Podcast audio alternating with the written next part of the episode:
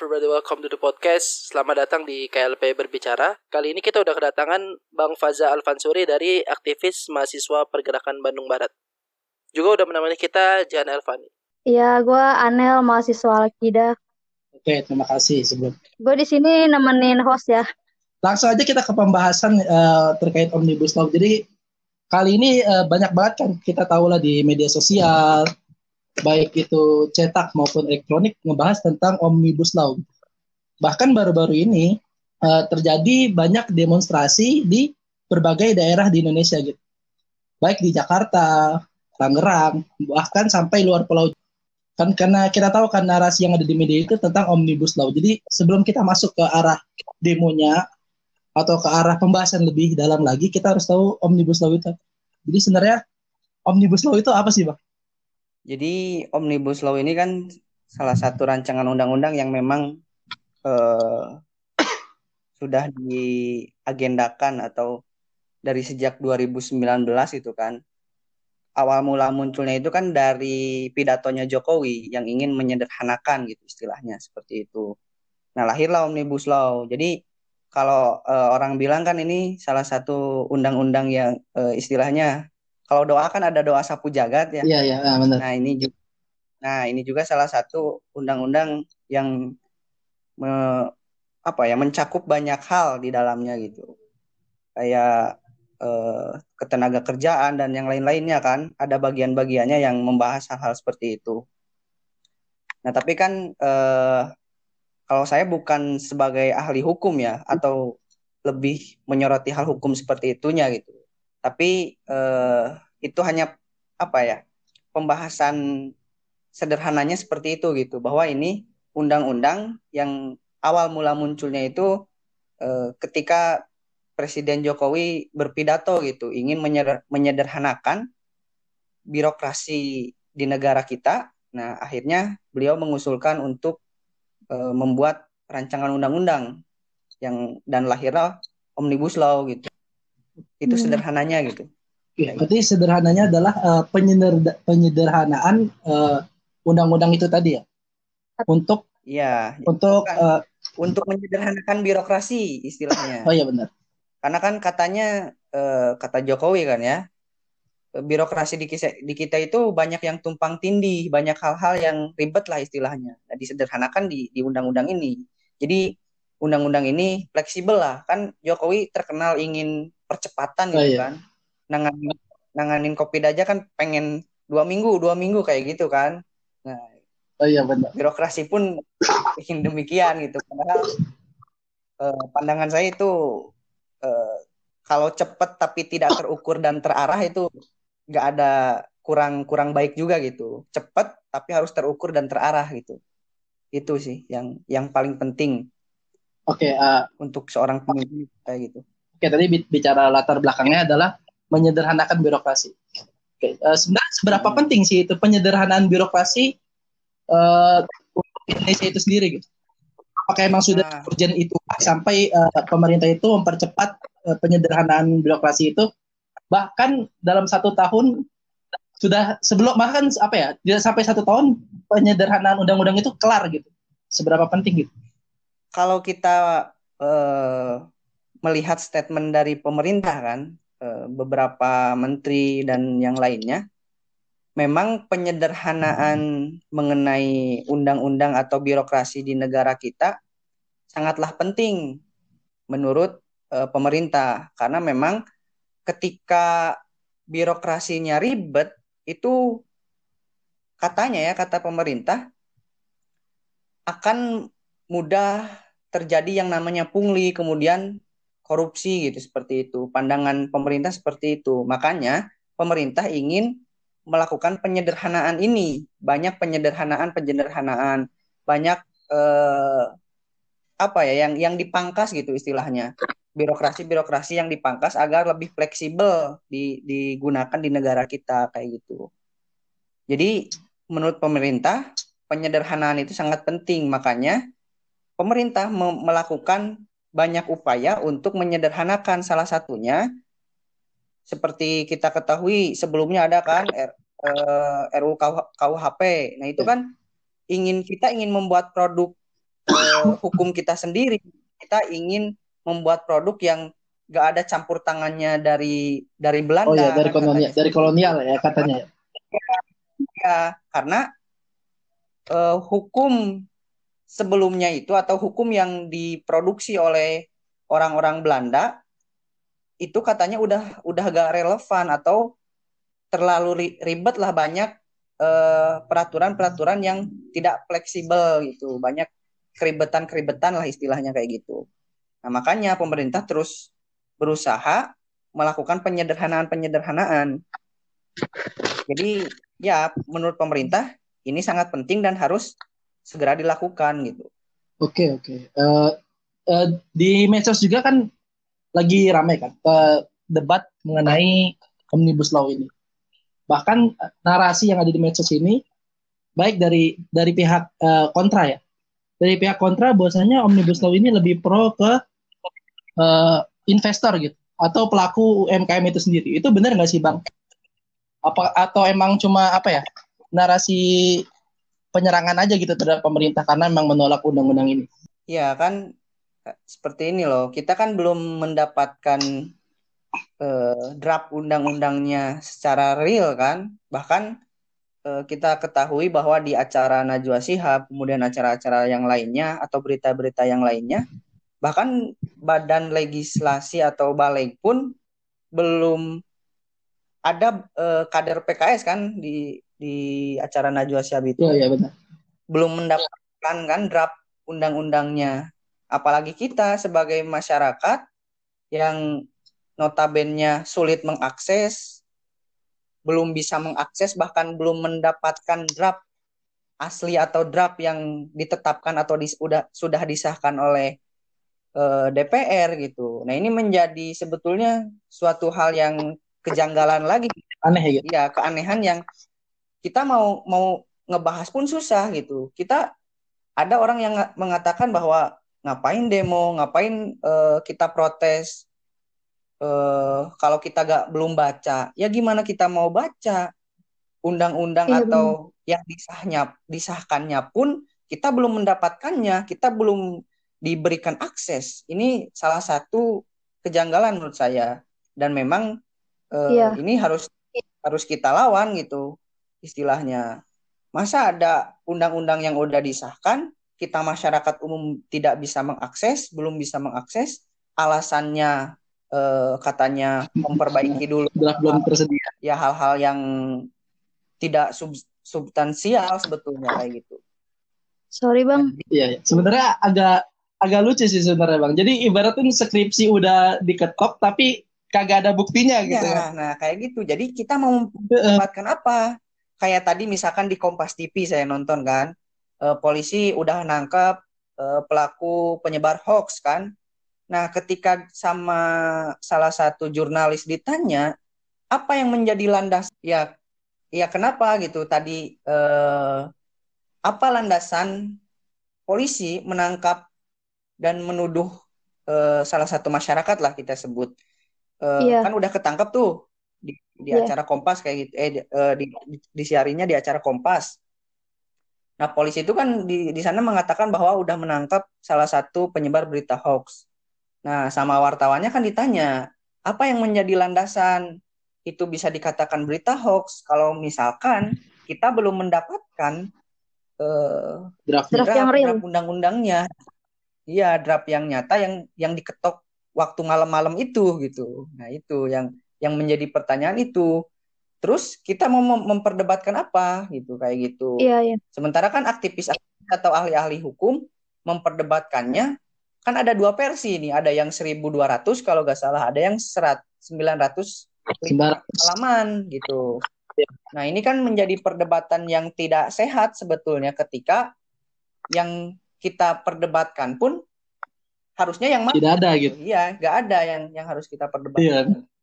Jadi eh, bi- bisa saya katakan bahwa memang ini RUU cacat secara prosedur gitu, prosedural eh, penetapannya. Jadi sebelum kita membahas secara isi atau eh, dalam eh, apa ya poin yang di ditetapkan oleh yang dirapatkan oleh DPR tersebut secara prosedurnya pun bisa kita eh, sanggah gitu, bisa kita lawan istilahnya, bisa kita bahwa ada yang salah loh ini. Kenapa masih sempat-sempatnya di keadaan seperti ini mengesahkan eh, undang RUU disahkan gitu kan? Iya. Dalam keadaan terburu-buru pandemi seperti ini iya. gitu. Itu kan di permasalahan. Uh, juga ya banyak juga yang mengkritik RUU ini lebih terkait perumusannya gitu bang. Jadi terkesan terburu-buru dan iya. nggak ya. transparan. Tiba-tiba udah ada draftnya, entah itu real atau hoax gitu kan. Banyak yang merasa tidak dilibatkan juga. Iya, itu kan uh, salah satu kekurangan ya. Hmm. Maksudnya pemerintahan sekarang itu kurang ada check and balance-nya itu kurang kan karena memang tidak ada partai oposisi yang yang sama kuatnya gitu istilahnya. Hmm. Gerindra kan udah gabung ke pemerintahan, PAN udah gabung ke pemerintahan. Sementara kan yang yang bisa dikatakan oposisi PKS dan Demokrat Demokrat, Demokrat pun tidak menyatakan sikap secara terang-terangan sebagai oposisi kan sebelumnya gitu, yeah. masih masih ngawang, tapi kan pada akhirnya hanya dua partai itu yang bisa dikatakan sebagai oposisi. Nah, itu salah satu kekurangan gitu karena karena di dalam pemerintahannya pun tidak ada check and balance hmm? yang kuat, maka di di dalam penetapan keputusan yang nantinya lahir itu banyak kepentingan-kepentingan yang pasti bakal mudah di dimasukkan, disusupkan gitu istilahnya. Karena memang kita lihat postingan eh, salah satu aktivis kan eh, dan di Laksono. Di sana kan dijelaskan ada 12 orang yang memang eh, kalau diakumulasikan mempunyai sekitar 100 perusahaan gitu. 12 orang itu mempunyai 100 perusahaan. Nah, tentunya ini menjadi sebuah eh, perang ke, eh, perang kepentingan nantinya. Jadi istilahnya banyak indikasi bahwa undang-undang ini hanya akan menguntungkan perusahaan-perusahaan yang yang mereka pegang itu istilahnya. Yang maksud kayak gitu. Jadi hmm, uh, 12 orangnya itu gitu. maksudnya 12 orang anggota DPR, Bang Fazah. Ya, 12 orang anggota DPR yang di dalamnya itu mereka itu punya perusahaan masing-masing ya. Terutama perusahaan ya perusahaan yang migas, batu bara dan dan yang lainnya. Jadi kalau diakumulasikan 12 orang itu sekit, mempunyai sekitar 100 uh, eh, perusahaan. Tentunya perusahaan-perusahaan bukan perusahaan kecil, perusahaan-perusahaan yang memang mengeruk kekayaan kita. Mm -hmm. Oh, jadi uh, tujuan dari eh, undang-undang ini uh, untuk melancarkan ya intrik mereka gitu ya. Ya, bisa jadi seperti itu. Kita kita nggak menuduh tapi ada kemungkinan ke sana gitu karena tadi tidak ada check and balance yang kuat di dalam pemerintahan istilahnya yeah. Ketika ketok palu sah ya sah semua gitu. Gak gak ada yang gak gak ada perdebatan yang kuat di dalamnya kayak gitu. Uh, sebenarnya dari latar belakang ini kembali ke latar belakang pembuatan uh, eh, RUU itu sendiri ya? Iya ya uh, kan uh, saya banyak saya juga banyak baca tuh uh, di beberapa jurnal bahwasanya ketika membuat RUU itu pertama ada naskah akademis, kedua ada partisipasi aktif e, dari misalkan dari perwakilan organisasi tertentu gitu kan di dalam hal ini mengenai ketenaga kerjaan harusnya mengundang perwakilan buruh ke pembahasan RUU ini gitu. Nah, apakah uh, e, RUU ini tuh udah udah ini udah benar nggak sih secara prosedural pembentukannya gitu? apakah naskah akademisnya ada, apakah ada partisipasi aktif gitu. Nah, kalau berbicara masalah prosedural ya, tadi kan udah dikatakan secara prosedural prosedural emang uh, kurang bukan kurang lagi ya, tapi memang cacat secara prosedur gitu. Yang pertama tidak transparan ya. Ya, tidak pertama tidak transparan. Tidak bisa yang kedua tidak bisa diakses oleh halayak banyak kan. Mm mungkin untuk yang mengundang eh, orang-orang seperti Walhi terus Kasbi dan yang lain-lainnya ya organisasi-organisasi buruh mungkin ada yang diundang tapi memang tidak diakomodir secara uh, baik oleh pemerintah kayak gitu. Nah, itu yang menyebabkan uh, undang-undang ini cacat secara prosedur gitu. Uh, masyarakat belum memberikan suaranya secara bulat, tapi DPR secara tidak langsung melakukan manuver sendiri dengan uh, mempercepat pengesahan RU ini gitu. Nah itu kan salah satu kecacatan yang memang sering digaungkan oleh pengamat-pengamat juga gitu, bukan bukan hanya oleh saya gitu. Saya pun uh, mengikuti dan membaca analisis-analisis yang dilakukan oleh pengamat yang memang ahli di bidang hukum dan memang uh, sudah lama gitu ya menggeluti hal-hal seperti ini gitu, hal-hal hukum seperti ini. Nah, itu mungkin yang yang memang undang-undang ini cacat secara prosedur kayak gitu. Oke, tadi kita udah ngebahas uh, latar belakang kenapa RUU undang ini dibuat, terus prosedurnya juga. Oke, kita masuk ke undang-undang itu sendiri. Sebenarnya yang diatur di dalam Omnibus Law ini apa aja sih, Bang?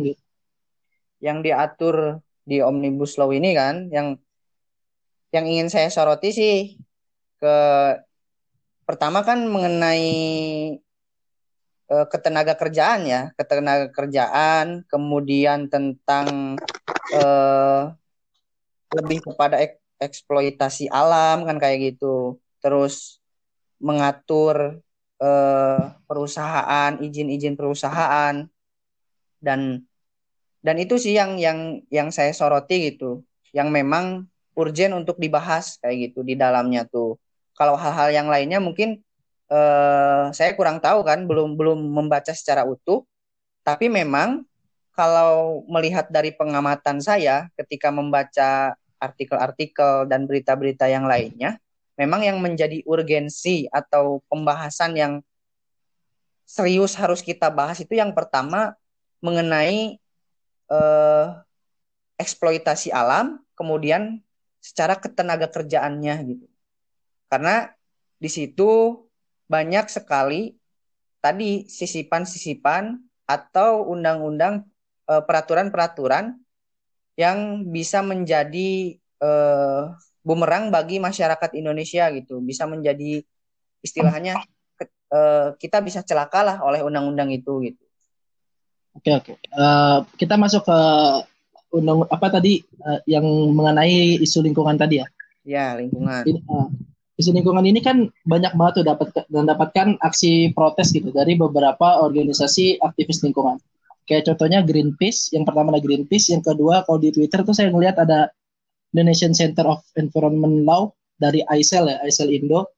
Yeah, yeah. Bahkan uh, bahkan yang kemarin saya lihat di uh, media luar negeri kayak Reuters gitu dia ngebahas tentang ada 35 investor asing yang menolak uh, undang-undang Omnibus Law ini karena berpengaruh terhadap lingkungan gitu.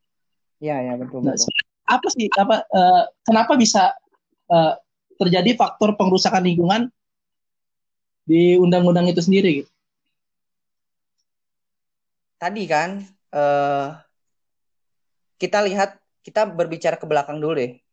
Uh, waktu itu kan ramai tuh yang mengenai uh, eksploitasi hutan apa ya lupa lagi hutan yang istil, istilahnya hutan keram bukan hutan keramat apa ya hutan yang dilindungi lah istilahnya oh, itu ya, kan iya banyak orang yang menggaungkan bahwa itu tuh hutan yang dilindungi gitu, tapi ingin dieksploitasi oleh oleh perusahaan yang berada di situ kan. Namun pada akhirnya gagal karena berita eh, media ngangkat beritanya, kemudian masyarakat Indonesia mendukung eh, ketua adat kan, ada ketua adat yang waktu itu di di dibawa polisi juga gara-gara menghalangi katanya menghalangi eh, proyek itu supaya berjalan gitu kan, menghalangi proyek itu supaya berjalan. Akhirnya kan ditangkap polisi. Nah, itu untuk me memuluskan hal itu, maka lahirlah nih undang-undang ini nih. Biar eh, proyek-proyek yang tadinya tersendat gara-gara tadi tadi itu mengen, uh, masyarakat yang menghalangi, kemudian uh, banyak protes dari masyarakat adat.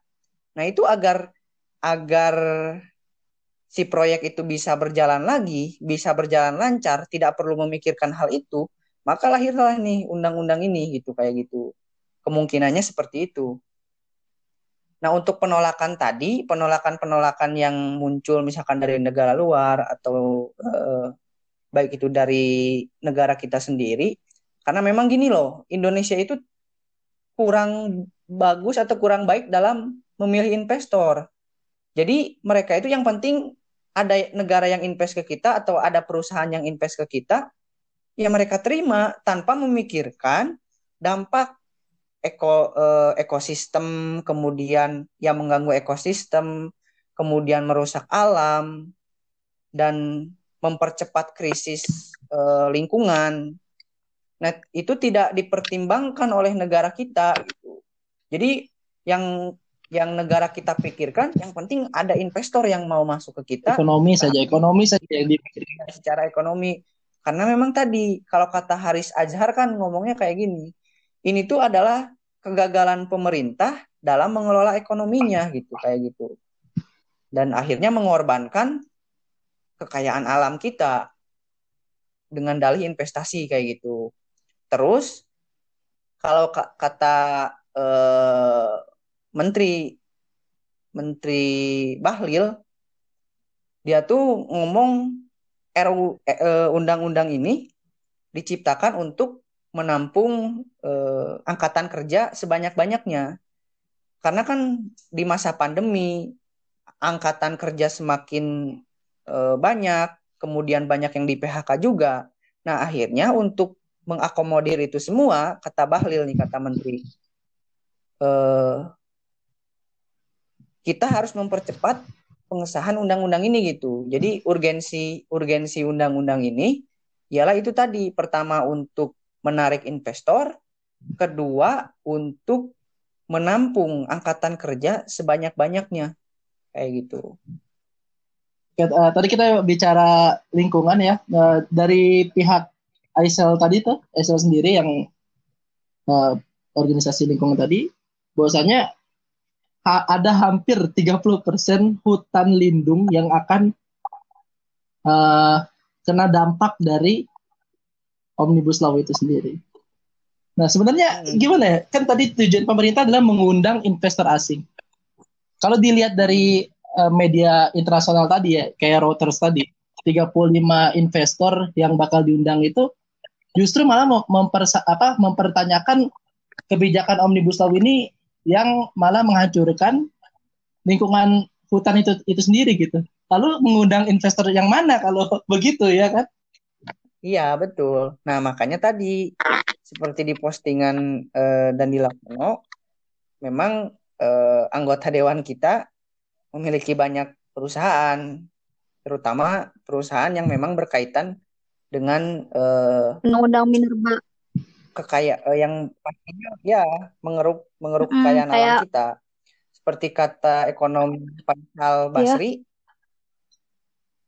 Iya kayak ya? ini kayak pertambangan mineral dan batu bara gitu kan Bang Ya, hmm, hmm.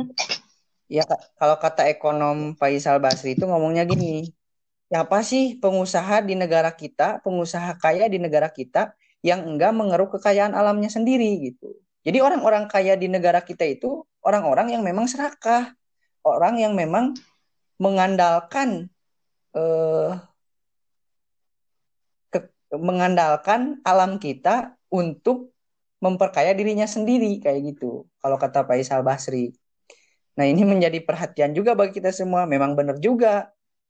Kita lihat orang-orang kaya di negara kita, ya kalau nggak batu bara, migas. Kalau nggak migas, ya kekayaan alam nggak ada lagi. Nggak ada yang memang eh, lahir dari usaha, dari dari misalkan dari apa ya, dari ya hal-hal yang UMKM kecil misalkan dari dari situ enggak tapi memang dari perusahaan-perusahaan besar, perusahaan-perusahaan yang memang sudah turun temurun mengeruk kekayaan alam kita gitu. Hmm, ya benar-benar.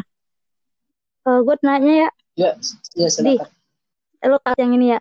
Jadi menurut Bang Faza itu uh, dalam lingkungan sosial atau ekonomi mana yang paling penting? Mana yang paling penting duluan di antara tiga itu tiga kategori? Yang paling penting sebetulnya itu sosial ya. Karena memang uh, saya sebagai orang yang lebih fokus ke sosial menganggap bahwa sosial Baru itu lingkungan. sangat penting. Pemerintah itu uh, sosial itu bisa membentuk lingkungan kayak gitu. Jadi sebelum kita uh, bisa menjaga lingkungan, kita harus membentuk sosial yang memang kuat secara uh, hmm. pengertian masing-masing gitu. Kayak gini loh, pemerintah kita itu abai terhadap investasi uh, lokal. Maksud investasi lokal tuh kayak gini loh. Misalkan saya sebagai orang pelosok, saya sebagai orang yeah uh, suku adat misalkan. Nah, itu tuh salah satu iya. investasi terbesar negara kita loh, orang-orang suku adat ini tuh. Mereka itu bisa menjaga ekosistem, mereka itu bisa menjaga alam dengan baik. Itu tuh karena apa? Karena modal sosial yang mereka miliki. Modal sosial yang sudah dibentuk secara turun-temurun untuk menjaga alam. Bahkan mereka menganggap kalau tidak ada alam, mereka gak bisa hidup kayak gitu. Saking mereka cintanya kepada alam, ya mereka gak berani merusak alam seenaknya kayak gitu. Nah, pemerintah abai terhadap investasi lokal. Nah, itu yang yang saya maksud investasi lokal itu adalah itu tadi keuntungan eh, suku-suku adat, suku-suku yang berada di pedalaman yang menjaga alam kita itu lebih dari triliunan loh. Mereka menjaga alam kita itu. Mereka bisa membuat sungai jernih, mereka bisa uh, menanam pohon sebanyak-banyaknya, pohon di mana-mana. Itu tuh adalah investasi terbesar negara kita sebetulnya. Negara itu tidak hmm. memikirkan itu. Uh, yang disayangkan. Sebenarnya aku pengen nambahin ya bang ya. Uh, pertama ngomongin uh, investasi ya, uh, terlihat banget dari narasi pemerintah tuh kelihatannya sangat bergantung gitu kepada investor asing. Padahal dari data yang kemarin disampaikan oleh Pak Faisal Basri jelas-jelas apa Indonesia tuh tidak butuh gitu investor. Bahkan kalau bicara statistik dari uh, total investment kita lebih besar uh, investasi dalam negeri dibandingkan luar negeri gitu. Lalu kenapa sibuk-sibuk kita mencari investasi luar gitu? Ya, betul. Dengan kasih bahwasanya katanya membangun undang membangun usaha di Indonesia itu sulit. Padahal secara data kesulitan membangun bisnis di Indonesia itu faktor yang menjadi penghambat pertama itu adalah korupsi gitu. Sedangkan kemarin RUU KPK kita KPK kita dilemahkan. Jadi kan sangat gimana ya? Faktor penghambat bisnis itu korupsi tapi KPK kita dilemahkan gitu. Jadi hal yang jadi hal yang lucu gitu. Iya, iya betul. Nah, terus kalau ngomongin terus kalau ngomongin korupsi, justru uh, para pengamat melihat kalau misalkan undang uh, kan udah disahkan nih. Nah, undang-undang ini bisa justru membuka keran yang besar mengena, uh, terhadap tindak pidana korupsi karena banyak sekali celah-celah ruang-ruang untuk para eh, pemangku kebijakan melakukan korupsi. Karena saking saking awalnya yang ingin mempermudah birokrasi justru karena mudahnya birokrasi itu memungkinkan e, pemangku kebijakan melakukan korupsi justru kayak gitu. Kalau kalau melihat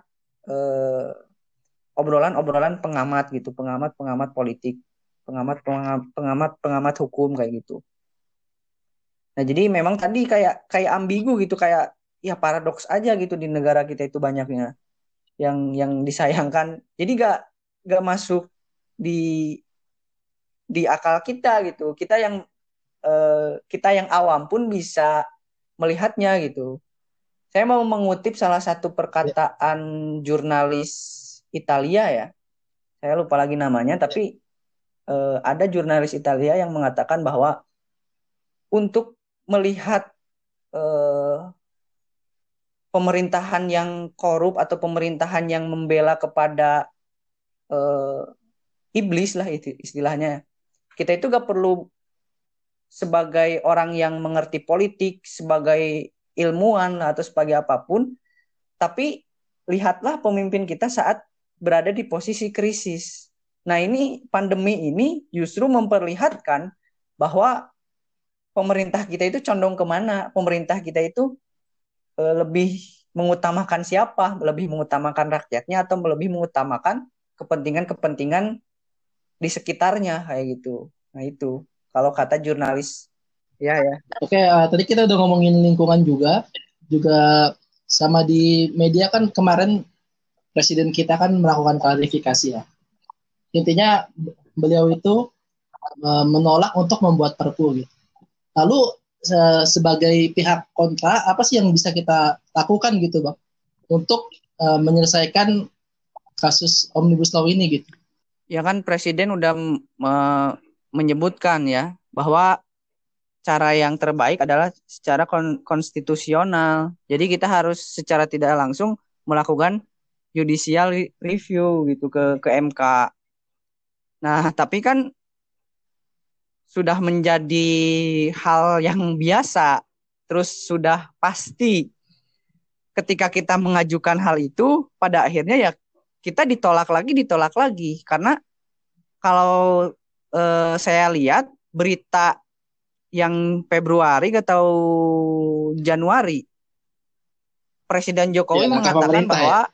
meminta MK untuk mendukung ya langkah pemerintah dalam mempercepat eh, pengesahan atau mempermudah lah istilahnya eh, undang-undang ini supaya nggak jadi polemik lah istilahnya. Jadi kayak gitu. Jadi sebetulnya ya yang dilakukan pemerintah pada akhirnya menggiring kita untuk masuk ke dalam jebakannya istilahnya. Bukan permainannya gitu ya. ya. Ya istilahnya menggiring kita untuk ya masuk ke sana lah. Kita harus uh, berpihak juga ke, ke MK. Tapi kan pada akhirnya MK pastilah mem, lebih mem, memihak yeah. ke pem, pemerintah. Ngomongin MK sebenarnya posisi MK ini uh, sebagai uh, bidang yudikatif ya itu harus apa sih eh, netral gitu kah apakah emang harus pro terhadap iya. pemerintah gitu soalnya uh, kalau kita lihat banyak kasus ya yang berkaitan dengan MK pertama kemarin kan RUU KUHP RUU KPK kan? Segala macam itu juga sama gitu. Maksudnya uh, bakalan ada kemungkinan tertolak lagi gitu. Iya karena ya yang yang milih MK kan siapa gitu.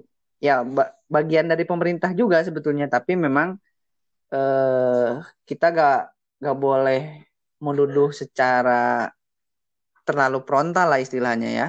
Kita juga harus memiliki harapan bahwa memang MK itu haruslah netral. Kita harus percaya bahwa MK itu melakukan tugasnya dengan dasar memang mengutamakan kebenaran kayak gitu.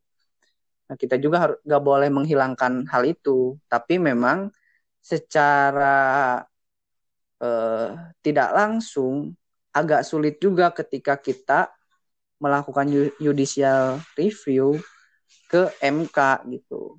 Karena secara sejarah, secara ya kita udah melakukan banyak eh, kajian tentang kayak kemarin misalkan eh, RUU KPK tapi kan pada akhirnya kita ditolak.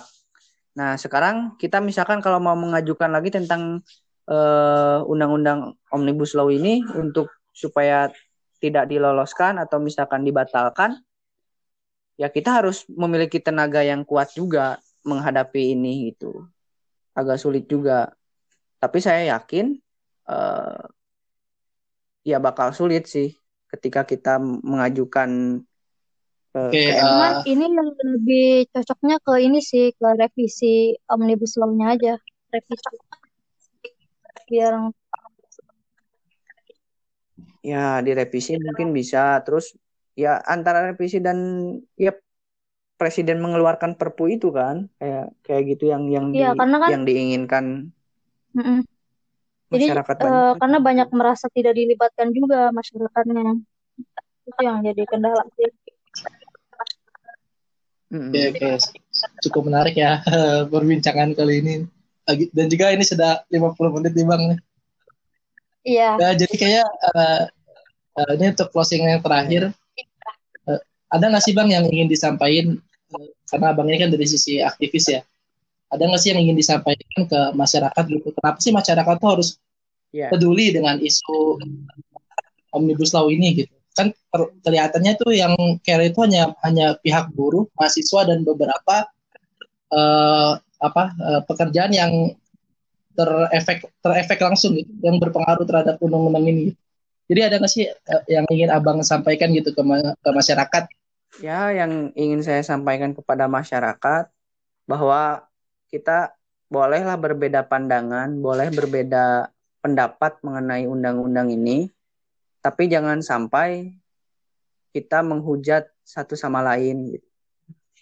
Karena kan e, kita sebagai bangsa Indonesia perbedaan itu sudah menjadi sebuah hal yang rumrah, tapi menjadi salah ketika kita malah menghujat, menghina e, pendapat orang lain gitu. Nah, itu sih yang yang ingin saya sampaikan kepada masyarakat bahwa kita boleh berbeda tapi jangan sampai menja menjadikan perbedaan itu uh, apa ya terkotak-kotakan ya.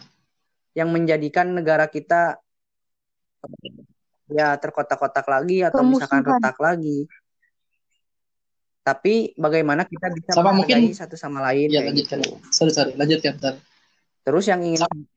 apa nah terus yang ingin saya sampaikan lagi kepada masyarakat kepada eh, pihak lainnya bahwa memang mungkin undang-undang ini berbicara tentang buruh, undang-undang ini misalkan berbicara tentang kesejahteraan buruh. Tapi itu kan berdampak secara nasional, berdampak secara uh, keseluruhan lah istilahnya, secara holistik bahwa memang suatu kebijakan itu menentukan uh, perekonomian bangsa juga. Ketika misalkan undang-undang itu malah menguntungkan sebagian pihak, atau tidak menguntungkan masyarakat banyak, menguntungkan misalkan perusahaan-perusahaan besar, perusahaan-perusahaan yang dimiliki oleh pemangku jabatan. Nah, ini justru akan merugikan masyarakat banyak juga pada akhirnya. Yang kaya akan semakin kaya pada akhirnya, kemudian yang miskin ya semakin semakin miskin aja, gak ada perkembangan seperti itu.